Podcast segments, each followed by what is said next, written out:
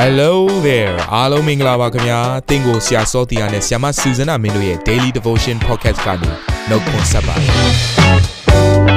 ဆရာနဲ့ဆ iam မတို့ရဲ့အသက်တာမှာဘုရားရှင်ပြုတဲ့ကောင်းကြီးမင်္ဂလာများစွာရှိပါတယ်အဲ့ဒီအထက်ကပြန်လဲစီးဆင်းတဲ့နှုတ်ကပတ်တော်ကိုဒီနေ့မှနားထောင်ပြီးခွန်အားယူကြမှာဖြစ်ပါတယ်နေ့စဉ်10မိနစ်လောက်အချိန်ပေးပြီးမိမိရဲ့အသက်တာကိုကောင်းကြီးဖြစ်စေမယ်ဘုရားသခင်ရဲ့နှုတ်ကပတ်တော်နဲ့နီးလန်းတွေကိုအတူတကွခံယူကြရအောင်ခင်ဗျာ အားလုံးကို Happy Sweet December and Merry Christmas လို့နှုတ်ဆက်ပါတယ်။ကဲကျွန်တော်တို့ဒီဇင်ဘာလထဲကိုရောက်လာပြီ။ဒီဇင်ဘာလရဲ့ပထမဆုံးပတ်ထဲမှာလေးလာဆင်ကျင်နေတဲ့နှုတ်ကပတ်တော်ရှိပါတယ်။အဲ့ဒါကတော့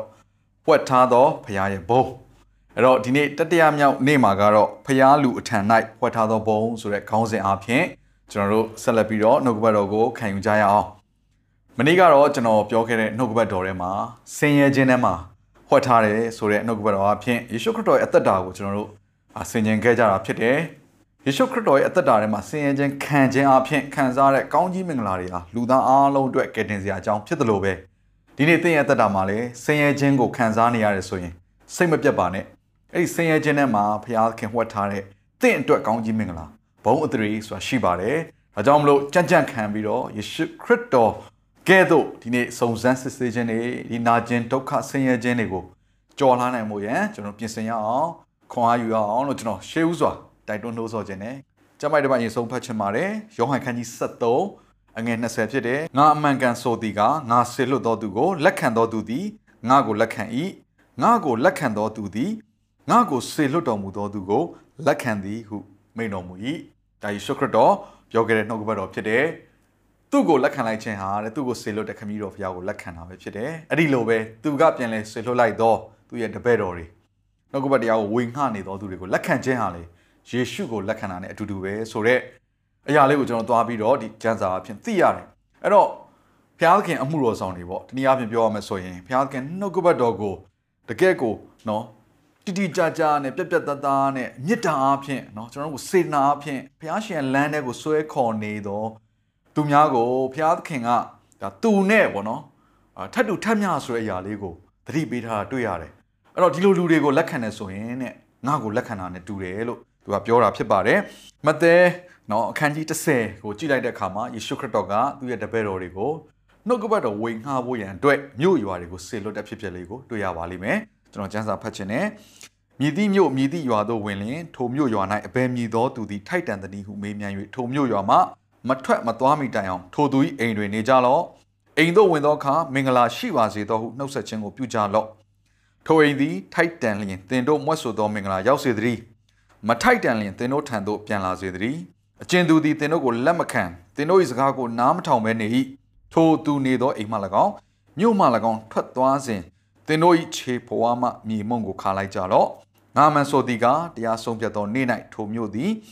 တောတုံမြို့နှင့်ဂေါမောရမြို့ထက်သာ၍ ခံရလက်တန်းအဲ့တော့ဒီကျမ်းစာလေးကိုကြည့်လိုက်တဲ့အခါမှာဘုရားသခင်စေလွတ်လိုက်တဲ့ဘုရားနှုတ်ကပတ်တော်ကိုဝေငှတော်သူတွေကိုနော်လက်မခံမှုဆိုရင်နော်တရားဆုံးဖြတ်အချိန်ကာလကိုရောက်လာတဲ့အခါမှာအဲ့ဒီမြို့ရွာတွေဟာနော်တောတုံမြို့နဲ့ဂေါမောရမြို့ထက်တောင်မှတရားစီရင်ပိုခံရမယ်ဆိုတဲ့တရားစီရင်ဆုံးဖြတ်ခြင်းကိုရင်ဆိုင်ရမယ်ဆိုတဲ့အရာကိုသွားတွေ့ရတယ်ဆိုတော့လက်မခံခြင်းဆိုတဲ့အရာကတကယ်တော့နှုတ်ကပတ်တရားကိုမကြိုဆိုခြင်းလည်းဖြစ်တယ်ဆိုတဲ့အရာနှုတ်ကပတ်တရားကိုမကြိုဆိုခြင်းကဘုရားသခင်ကိုလက်မခံခြင်းလည်းဖြစ်တယ်ဆိုတဲ့အရာကို ကျွန်တော်တို့ဒီတရားစီရင်ခြင်းနဲ့ဆက်ဆက်ပြီးတော့အဲ့လောက်ထိပြင်းပြင်းထန်ထန်ပေါ့နော်သတိပေးချက်ကိုလည်းသွားတွေးရပြန်တယ်အဲ့တော့အဲ့ဒါနဲ့ဆက်ဆက်ပြီးတော့အောက်မှာဆက်ပြီးကျမ်းစာဆက်ဖတ်မယ်ဆိုအငယ်16မှာဘယ်လိုတွေးရလဲဆိုရင်တောခွေးစုတဲ့တို့တိုးတို့ကိုစေလို့တကဲ့သို့သင်တို့ကိုငါစေလို့ဤထို့ကြောင့်သင်တို့သည်မွေကဲ့သို့လိမ်မာလျက်ဂျုံငဲကဲ့သို့အစိတ်ကင်းလျက်ရှိကြလောဟောဒီကျမ်းစာလေးကအရန်ထူဆန်းတယ်ငါမင်းတို့ကိုစေလို့တဲ့ခါမှာတဲ့ချင်းသေးတွေဆိုတဲ့စကားကိုမသုံးဘူးเนาะချင်းသေးတွေလို့စေလို့လိုက်တယ်လို့မသုံးဘူး အစွမ်းတတိနဲ့ပြည့်စုံတဲ့သဘောတရားမျိုးတွေကိုမသုံးမဲနဲ့သို့နောက်တစ်ခုကဂျုံငတ်တကယ့်ကိုအင်အားနေပြီးတော့နော်နူးညံ့တိမ်မွေ့ပြီးတော့နှိမ်ချပြီးတော့ဟိုခွန်အားအစွမ်းတတိတွေကိုမမြင်ရတဲ့ပုံစံမျိုးနဲ့ဒီအာတရားဟာဒေသနာဝင်ခါတဲ့သူတွေကိုခိုင်းနိုင်ထားတာတွေ့ရလိမ့်မယ်တနည်းအားဖြင့်ပြောမှာဆိုလူတွေဘက်ကပြန်ကြည့်မယ်ဆိုရင်အထင်ကြီးစရာမကောင်းတဲ့ပုံစံမျိုးမြင်ရတာပေါ့နော်ဘာမှဟို impression မရှိဘူးပေါ့နော်နှစ်သက်ဖွယ်မဖြစ်ဘူးခါလဲအကြိုက်နှစ်သက်စရာမကောင်းတဲ့ပုံစံမျိုးတွေနဲ့ဒါနှုတ်ကပတ်တော်ဝင်ခါတဲ့သူတွေရဲ့အသက်တာတွေမှာရှိနေတတ်တယ်။ကြောင့်ကျွန်တော်တို့ကနှုတ်ကပတ်တော်ဝင်ခါတဲ့သူတွေဟာနော်ကိုထင်မှတ်ထားသလို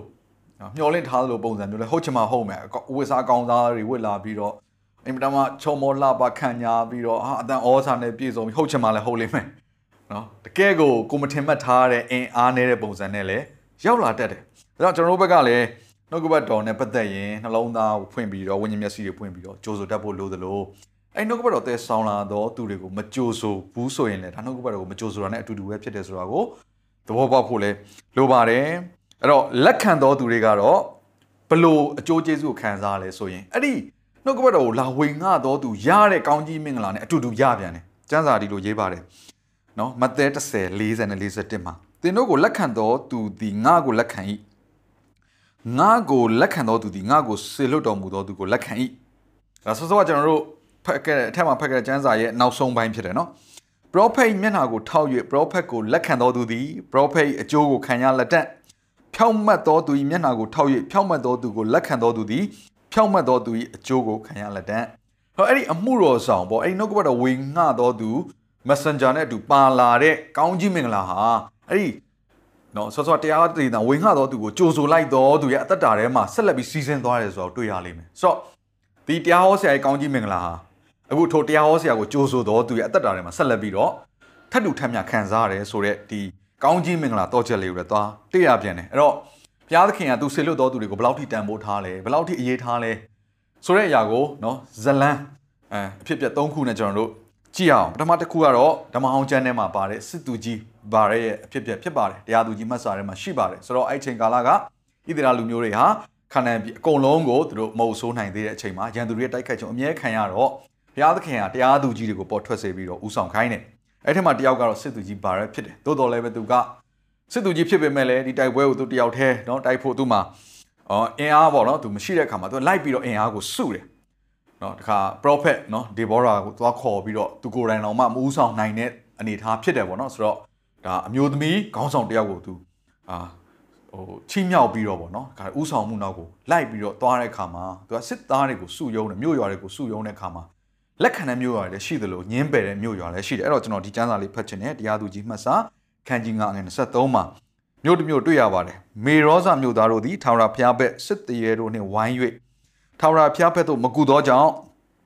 မေရောဇမြို့ကိုချိန်ကြလော့မြို့သားတို့ကိုပြင်းစွာချိန်ကြလော့ထာဝရဘုရား၏ကောင်းကင်တမန်သည် မှားထား၏သူတို့မကူညီတာကနော်စစ်သူကြီးဗာရက်ကလာစီယုံတဲ့အချိန်မှာမကူညီတာဒါပေမဲ့ဒီစစ်သူကြီးဗာရက်နဲ့ prophet နော်ဒေဘောရာတို့ဟာဘုရားသခင်သူကတတ်မှတ်တဲ့ခေါင်းဆောင်တွေဖြစ်နေတယ်။နော်သူတို့နှုတ်ဆက်စကားလာပြီးတော့ပြောတဲ့သတင်းစကားသည်သူတို့ကိုခွန်အားပေးတာမဟုတ်ဘူးနော်။စစ်တူတိုက်ရအောင်လို့လာပြီးတော့စီယုံတာဖြစ်တယ်။ဆိုတော့အဲ့ဒီအဖြစ်အပျက်ကိုဘုရားသခင်ကဘယ်လိုတတ်မှတ်လဲဆိုတော့ သူကသွားပြီးတော့လှုပ်ဆောင်တဲ့အဖြစ်အပျက်လို့တတ်မှတ်ပြီးတော့ဆော့ဆော့ကသူချီးမြှောက်ထားတဲ့ခေါင်းဆောင်တွေဟာသူ့ကိုကိုစားပြုတယ်လို့သူကဒီလိုပဲခံယူတယ်အဲ့တော့သူတို့ကိုမကူခြင်းဟာတဲ့ထာဝရဘုရားကိုမကူခြင်းဆိုပြီးတော့အဲ့လိုမျိုးတတ်မှတ်တဲ့အရာကိုအံ့ဩစွာပဲကျွန်တော်တို့တွေ့ရပါတယ်เนาะဒါကြောင့်ကျွန်တော်တို့အာဒီနှုတ်ကပတ်တော်နဲ့ပတ်သက်ပြီးတော့မကြိုဆိုတတ်ခြင်းဟာလေကျွန်တော်တို့အသက်တာထဲမှာအမင်္ဂလာဆိုတဲ့အရာတွေဖြစ်တတ်တယ်ဆိုတာကိုလည်းသတိထားဖို့ဖြစ်တယ်ကဲနံပါတ်1ဇလန်ကတော့ကျွန်တော်တို့ဒါဓမ္မသစ်ထဲမှာပါတယ်လူကာခရစ်ဝင်ထဲမှာပါတယ်အာ အဖြစ်ပြန်လေးဖြစ်ပါတယ်ဒါကတော့ယေရှုခရစ်တော်ပြောပြတဲ့ဇလံပေါ့နော်အဖြစ်တကယ်အမှန်ဖြစ်ဖြစ်တထေးကြီးနဲ့ဆင်းရဲသားလာဇရုရဲ့အဖြစ်ပြက်ပေါ့နော်ဒီအဖြစ်ပြက်လေးမှာနောက်ဆုံးမှာတထေးကြီးဟာအာနော်ဒါမရဏနိုင်ငံမှာပြင်းပြစွာသောပူလောင်ခြင်းကိုသူခံစားရတယ်အဲ့တော့သူကလူပြည်မှာကြံခဲ့တဲ့သူ့ရဲ့ညီကိုတွေကိုနှုတ်ကပတ်တရားစကားသွားဝေမျှပေးပါလို့အာဗြဟံကိုတောင်းဆိုတဲ့အချိန်မှာအာဗြဟံက prophet တွေရှိတယ်လို့ပြောတဲ့အခါမှာ နော်သူတို့ဟောတယ်နှုတ်ကပတ်တော်ဟောနေလိမ့်မယ် prophet တွေရှိတယ်လို့ပြောတဲ့အခါမှာနော်တတိယဘာပြန်ပြောလဲဆိုတော့တထေးကလည်းမဟုတ်ပါအဘအာဗြဟံတည်သောလူစုတွေကတယောက်သောသူသည်ထမြောက်၍သူတို့ရှိရသို့သွားလျင်သူတို့သည်နောင်တရကြပါလိမ့်မည်ဆိုတော့အာဗြဟံကသူတို့သည်မောရှေ၏စကားပရောဖက်တို့၏စကားကိုနားမထောင်လျင်တယောက်သောသူသည်တေခြင်းမှထမြောက်တော်လဲမယုံကြည်နိုင်ကြဟုအာဗြဟံဆိုသည်ဟုမိန်တော်မူ၏လူတော်များများက အင်မတန်မှကြီးမားတဲ့နမိတ်လက္ခဏာတွေမျှော်လင့်ပြီးတော့အဲ့လိုနမိတ်လက္ခဏာတွေဖြစ်လာမှငါယေရှုကိုယုံကြည်မယ်ဖခင်နောက်လိုက်မယ်ဖခင်အတွက်ဘာလုပ်ပေးမယ်စသဖြင့်တခုခုဆုံးဖြတ်လေးရှိကြတယ်ဒါပေမဲ့ကိုမထင်မှတ်ထားတဲ့အချိန်လေးမှာနှုတ်ကပတ်တော်ကိုကြားစေပြီးတော့နှိုးဆော်တဲ့အချိန်ကာလဆိုတာလေရှိတတ်တယ်ဒါကြောင့်မလို့ကျွန်တော်တို့ကနမိတ်လက္ခဏာကိုပဲစောင့်နေဖို့မဟုတ်ဘဲနဲ့ဖခင်ကနှိုးဆော်တဲ့စကားလေးကိုကြားလာရပြီဆိုရင်ကျွန်တော်တို့ရဲ့အသက်တာထဲမှာချက်ချင်းတုံ့ပြန်တတ်ဖို့အရေးကြီးတယ်ကြိုးဆိုတတ်ဖို့အရေးကြီးတယ်ဆိုတာကိုလည်းဒီဖြစ်ပြအပြင်တွေ့ရတယ် နောက်ဆုံးကျမ်းစာဖတ်ချင်ပါတယ်မသက်ခန်းကြီး7အငယ်20ကနေပြီးတော့24ထိဖြစ်တယ်ထိုအခါများစွာသောတကိုးကိုပြတော်မူသောမြို့ရွာတို့သည်နောင်တမရသောကြောင့်ထိုမြို့တို့ကိုဤကဲ့သို့ကဲ့ရဲ့ပြစ်တော်မူ၏အိုခေါရာဇိန်မြို့တင်သည်အမင်္ဂလာရှိအိုဖဇဲဒါမြို့တင်သည်အမင်္ဂလာရှိအကြောင်းမူကားတင်တို့တွင်ပြသောတကိုးကိုတူရုမြို့နှင့်ဇီတုံမြို့တို့တွင်ပြဘူးလျင်ထိုမြို့တို့သည်ရှေးကာလ၌ရှော့တေဝစ်ကိုဝေ့၍ပြာနှင့်လူးလျက်နောင်တရကြလိမ့်မည်ငါဆိုသည်က တရားဆုံးဖြတ်သောနေ့၌သင်တို့သည်တူရုမြို့နှင့်ဇီတုံမြို့ထက်သာ၍ခံရကြလက်တံအိုကပေရနောင်မြို့တင်သည်မိုးကောင်းကင်တိုင်အောင်မြှောက်စားခြင်းကိုခံရတော်လဲမရဏနိုင်ငံတိုင်အောင်နှိမ်ချခြင်းကိုခံရလက်တံအကြောင်းမူကားသင်၌ပြသောတကိုးကိုတကိုးကိုတောတုံမြို့၌ပြဘူးလျင်ထိုမြို့သည်ယခုတိုင်အောင်တည်ရ၏ငါဆိုသည်ကတရားဆုံးဖြတ်သောနေ့၌သင်သည်တောတုံမြို့ထက်သာ၍ခံရလက်တံဟုမိန်တော်မူ၏တော့ဒီဖြစ်ပျက်လေးပါဖျားသခင် ရဲ့နှုတ်ကပတ်တော်နဲ့ဖျားသခင်အားဖြင့်ထင်ရှားသောယေရှုအားဖြင့်ထင်ရှားသောနမိတ်လက္ခဏာတွေကိုနော်မကြိုဆိုတဲ့အခါမှာလက်မခံတဲ့အခါမှာနောက်ဆုံးကြုံရတဲ့အရာကတော့အင်မတန်မှဆိုးရွားတဲ့တရားစီရင်ဂျင်းထပ်ပင်ပို့ဆိုးသောအရာတွေကိုကြုံရတတ်တယ်ဆိုတဲ့အရာကိုတွေ့ရပါတယ်။ဒါကြောင့်ဘုရားသခင်သည်နော်သူ့ရဲ့ဘုံသူ့ရဲ့တကိုးသူ့ရဲ့ဖြစ်ချင်းကောင်းမြတ်တဲ့မင်္ဂလာတွေကိုနော်သူဆေလွတ်တော်သူတွေရဲ့အသက်တာထဲမှာသူတို့ရဲ့တဲဆောင်လိုက်နှုတ်ကပတ်တော်တွေထဲမှာ ဖွက်ထားတယ်ဆိုတာကိုလည်းသိပြီးတော့နှုတ်ကပတ်တော်ကိုယ်စီလာတဲ့ခါမှာအမှတ်တမဲ့မနေပါနဲ့ကဲကိုပြန်လည်ပြီးတော့နော်နှလုံးသားအကျွမ်းမဲ့နဲ့တုံ့ပြန်တတ်သောသူတွေဖြစ်ဖို့ဘုရားရှင်သူပဲကောင်းကြီးပေးပါစေခဏလောက်ဆုတောင်းရအောင်ဘုရားသခင်ကိုရောကိုယေရှုတင်တယ်ကိုရောနှုတ်ကပတ်တော်ကိုဆေလွတ်တဲ့ခါမှာအမှတ်တမဲ့မနေဘဲနဲ့လစ်လူမရှိဘဲနဲ့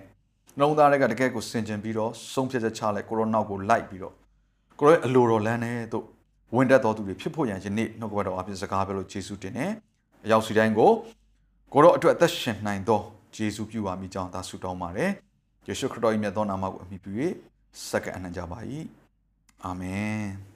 မနေ့ပြန်မှာပြန်ဆောင်ရအောင်